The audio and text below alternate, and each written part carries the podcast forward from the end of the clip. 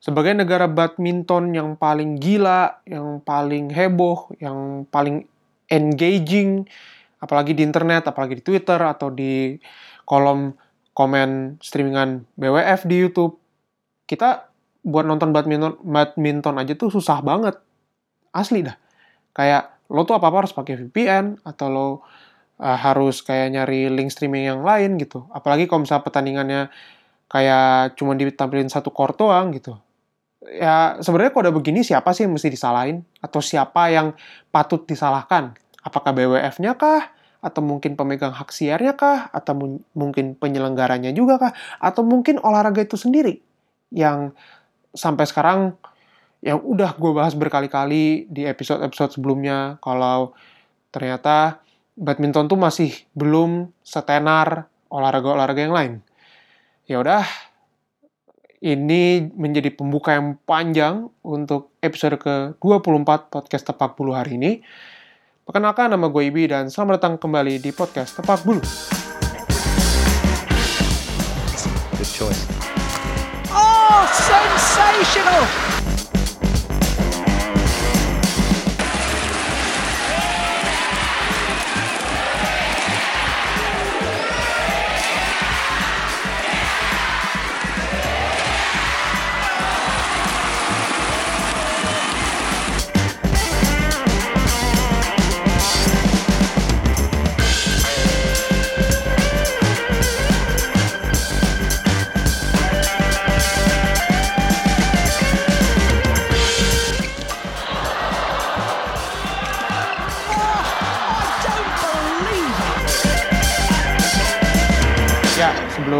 Kita mulai membahas episode yang sepertinya akan singkat, nggak nyampe 20 menit, gue pengen ngucapin terima kasih, terima kasih buat kalian yang udah dengerin episode minggu kemarin, episode ke-23, obrolan gue bareng sama Mbak Smash Nyangkut. kalian pasti kaget kan? Kalian sering manggilnya Om, ternyata dia tuh adalah seorang perempuan.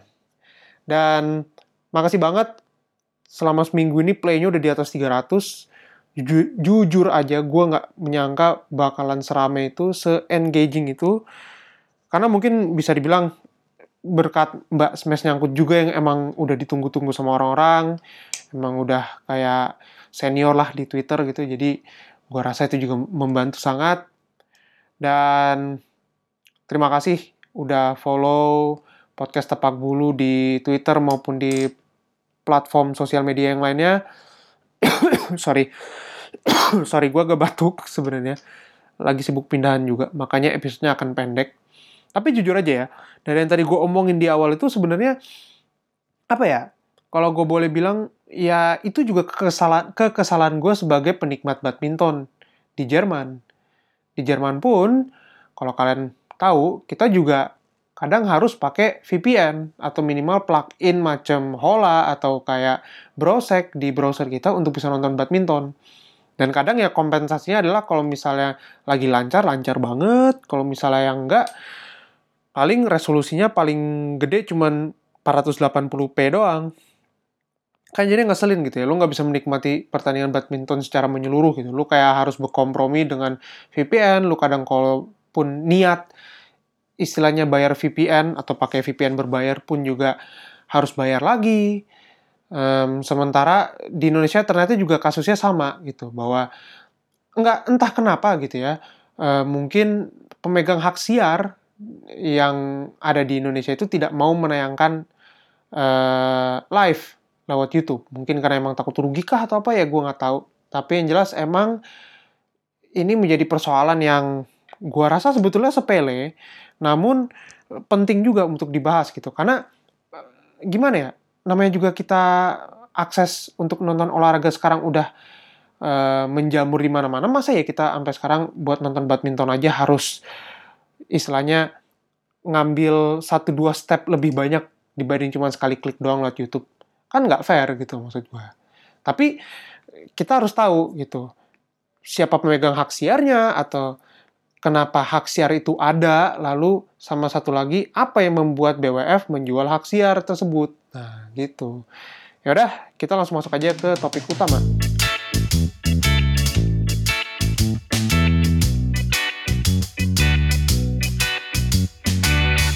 buat yang sering dengerin atau yang udah menjadi pendengar setiap podcast tapak bulu, kalian biasanya pasti suka apa ya dengerin ada dua segmen. Segmen pertama pasti bahas soal pertandingan, lalu kemudian segmen keduanya baru soal topik utama. Tapi demi mempersingkat waktu dan juga meminimalisi meminimalisasi waktu editing podcast ini ditambah lagi gue bener-bener nggak nonton sih sebenarnya minggu kemarin uh, badminton pun yang Hyderabad Super Super Super 100 di India tapi ya gue taunya kita dapat satu runner up dan satu gelar juara di situ. Ya itulah kalau misalnya kalian mau tahu recapnya seperti apa dalam satu menit.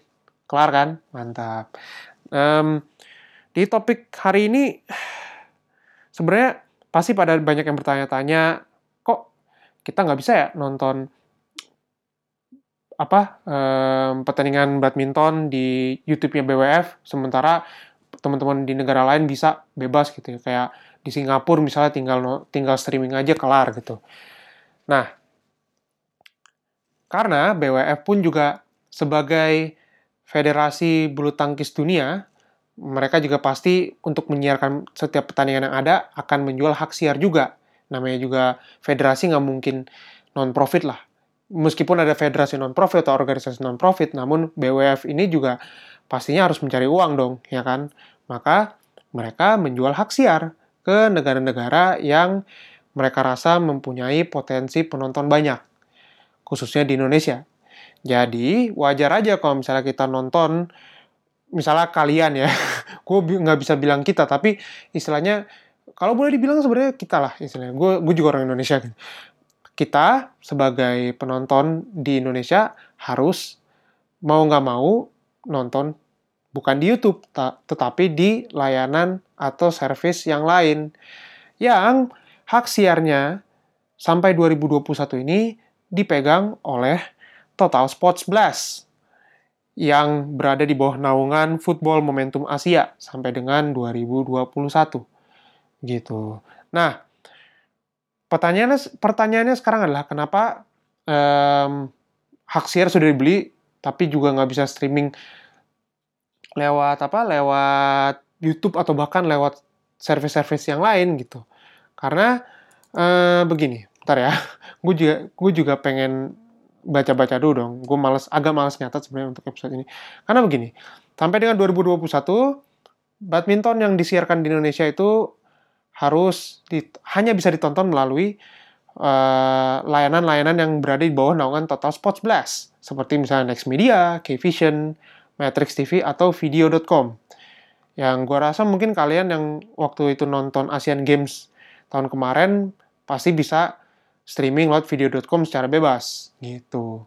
Jadi memang um, kalau misalnya hak siar itu sudah dibeli oleh salah satu pemegang calon pemegang hak siar yang membeli hak siarnya itu ah ribet salah satu calon pembeli lah istilahnya yang sudah membeli hak siarnya itu maka otomatis mereka akan ngeblok atau istilahnya sebutannya geoblok akses live ke YouTube-nya BWF begitu.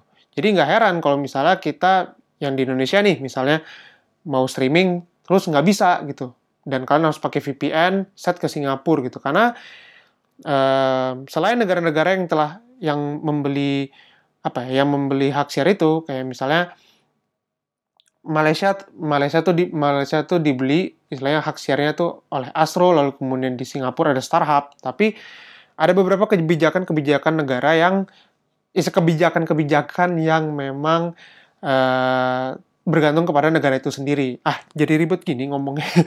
Tapi intinya begitu, um, bahwa mau nggak mau kita di Indonesia harus bersabar. Artinya ya kalian istilahnya harus ekstra download VPN atau ekstra ya mungkin yang tinggal di Singapura tinggal streaming aja gitu. Tapi ya itu dia mungkin negatifnya dari si pembelian hak siar dari BWF ini. Nah, kalau ditanya sekarang gitu, siapa yang disa yang patut disalahkan sebetulnya? Gitu ya. Sebenarnya sih nggak ada yang disalahkan dalam hal ini karena begini, BWF ya kembali yang tadi udah gue bilang, mereka menjual hak siar Dan mereka tentu saja harus cari duit dong, ya kan? Tapi di sisi lain, gue merasa atau gue pernah ngobrol sama salah satu narasumber uh, yang juga mungkin pernah istilahnya dekat dengan media lah. Gue nggak mau sebutin namanya siapa. Ya dia bilang kalau misalnya BWF, BWF ini sebetulnya uh, apa ya um, masih bersikeras menjual hak siar secara mahal uh, untuk menayangkan badminton ini gitu. Yang bisa dibilang sebetulnya apa ya kalau boleh dibilang tuh badminton sebagai olahraga pun tidak begitu populer atau bahkan sepopuler olahraga-olahraga lain gitu yang lebih dikenal secara luas di masyarakat dunia gitu. Badminton ini paling betul-betul dikenal di Asia gitu jelas. Mau Asia Tenggara, Asia Timur jelas atau di Denmark kalaupun di Eropa. Nah, jadinya wajar aja kalau misalnya memang aksesnya pun lumayan terbatas gitu. Tetapi kalau emang misalnya badminton mau dikenal eh, dunia gitu istilahnya, mungkin para petinggi BWF yang dengerin ini, um, ya kadang hal yang dilakukan adalah exposure dulu gitu. Ini kadang emang bertentangan sih dengan uh, apa ya prinsip-prinsip istilahnya uh, prinsip-prinsip manusia yang istilahnya kalau kita kerja atau kita mau cari nama ya jangan secara gratis tapi kita harus bisa dapat uang juga. Iya, gue tahu. Tapi di sisi lain bahwa BWF itu ter, apa ya? Gue bilang bahwa terkadang BWF juga harus memikirkan bahwa iya kalau mau terkenal, kalau mau tahu gitu ya orang-orang badmintonnya seperti apa ya, dibuka aja gitu semuanya tanpa terkecuali gitu. Dalam artian ini loh setiap orang bisa apa setiap orang tuh bisa nonton gitu di YouTube-nya BWF langsung tanpa harus pakai VPN seperti ya layaknya di negara-negara macam Singapura atau Prancis atau bahkan uh, Belanda maupun Inggris yang kebetulan gue beberapa waktu yang lalu memang ada di negara-negara itu dan akses gue ke situ ya sangat mudah sekali. Nggak perlu pakai VPN gitu.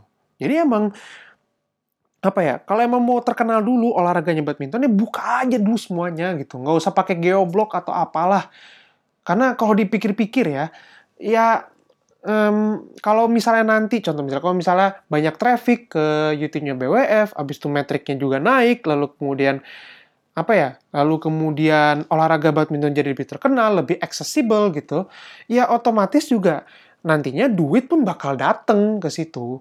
Dan kalau misalnya contoh perusahaan-perusahaan yang nonton badminton, wah ternyata banyak ya penontonnya di sini gini-gini, kan jadinya mendatangkan uang juga ke si BWF itu sendiri gitu maksudnya.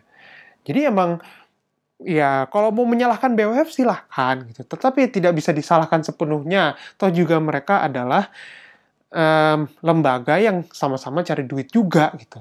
Makanya kalian gak heran dong kalau misalnya uh, apa ya mereka waktu bulan Mei kemarin memutuskan untuk apa ya untuk istilahnya dalam pembagian hasil keuntungan keuntungan dari sebuah penyelenggaraan turnamen itu 80-20 di mana 80% untuk BWF, 20% untuk tuan rumah. Which is biar kayak anak Jakarta Selatan gitu. Alah, nggak apa. Ya apa ya meru, sebenarnya merugikan gitu merugikan tuan rumah gitu ya cuman kalau tuan rumahnya punya duit banyak mah ya ya ya wes lah gitu istilahnya ya bodoh amat lah terserah gitu dan kalau misalnya buat teman-teman yang mendengarkan ini dan dan istilahnya baru pertama kali nonton badminton tapi nggak tahu mau nonton badminton lewat mana, kalau kita mau nonton, mau nonton badminton di YouTube-nya BWF langsung, kalian mendingan coba siapkan VPN pertama kali. Karena itu penting. Kalau misalnya kalian tinggal di Indonesia, udah pasti rata-rata tidak apa ya, jarang ada turnamen yang mau ada turnamen yang bisa disiarin tanpa harus pakai VPN. Apalagi minggu depan akan ada kejuaraan dunia, otomatis VPN harus siap di komputer atau HP kalian atau di gadget kalian yang lain gitu. Karena kenapa? Karena pertama gini, gue lebih memilih nonton di YouTube ketimbang nonton di contoh misalnya Bad Fit Live karena um, untuk urusan streaming gue rada takut istilahnya. Sebagai gue tinggal di Jerman dan um, aturan soal berinternet pun udah banyak banget gitu. Udah terlalu apa udah terlalu terperinci harus gini gini gini meskipun sebetulnya streaming olah, olahraga pun sebetulnya masih dalam kategori abu-abu. Tapi gue merasa bahwa untuk nonton badminton ini ada baiknya gue download VPN aja. Terus gue nonton lewat YouTube. Lebih nyaman gue juga lebih enak oh tahu pasti di YouTube ada gitu. Dan udah jelas aja gitu ada streaming di YouTube kelar. Gitu. Ya gue gimana ya episode ini sebenarnya gue jadi gue marah-marah aja gitu istilah isinya uh, soal streaming ini. Jujur aja gue kesel gitu ya. Gue nggak bisa seleluasa teman-teman yang tinggal di negara lain yang akses ke live streamingnya BWF di YouTube-nya itu nggak perlu pakai VPN gitu pengen sebenarnya agak iri gitu tapi gimana ya gitu kayak uh kesel aja gitu kayak gue berharap gitu ya um, sebelum kita tutup episode ini gue berharap BWF kalau anda mendengarkan episode ini, tolonglah please buka aja gitu semuanya atau minimal kayak hak siarnya nggak usah dijual mahal-mahal banget lah gitu. Ya paling enggak gitu ya, paling tidak gitu ya. Kalau aksesnya mudah, semua orang bisa nonton, habis itu juga um, apa ya kemudian ya, badminton bisa diperkenalkan ke negara-negara yang emang belum begitu mengenal badminton, ya gue yakin insya Allah badminton akan terkenal kok dalam 3 sampai 5 tahun ke depan kalau misalnya mau membuka aksesnya semua gitu ya. Kalau udah terkenal misalnya, kalau udah terkenal seketer, seterkenal tenis deh gitu. Ya nanti pun juga kalian mau bikin uh, versi berbayar misalnya kayak 50 ribu sebulan asal kita dapat unlimited access ya nggak masalah gitu. Gue yakin hampir sebagian orang pun akan mau membayar konten badminton gitu. Kalau misalnya udah terkenal gitu aja gitu. Ya, itu tadi uh, episode gue, episode marah-marah gue kali ini. Jujur, sebenarnya gue cuma bisa ngomong bentar karena persiapan dadakan. Gue juga lagi mau pindahan rumah untuk bulan depan. Udah harus siap-siap, beres-beres. Jadi mm, minggu depan gue akan full live stream, bukan live stream sebetulnya, gue akan full uh, nge-tweet di Twitter, mungkin pakai akan pakai bahasa Inggris demi engagement yang lebih luas gitu.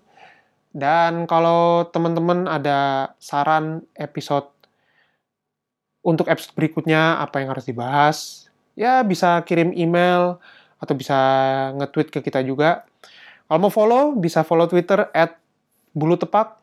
Follow Instagram kita juga at podcast.tepakbulu.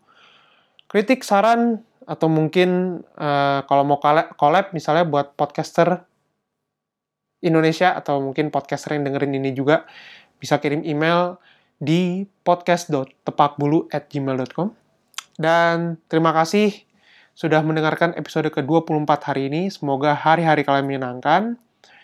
Sampai jumpa di episode selanjutnya. Assalamualaikum warahmatullahi wabarakatuh. Peace.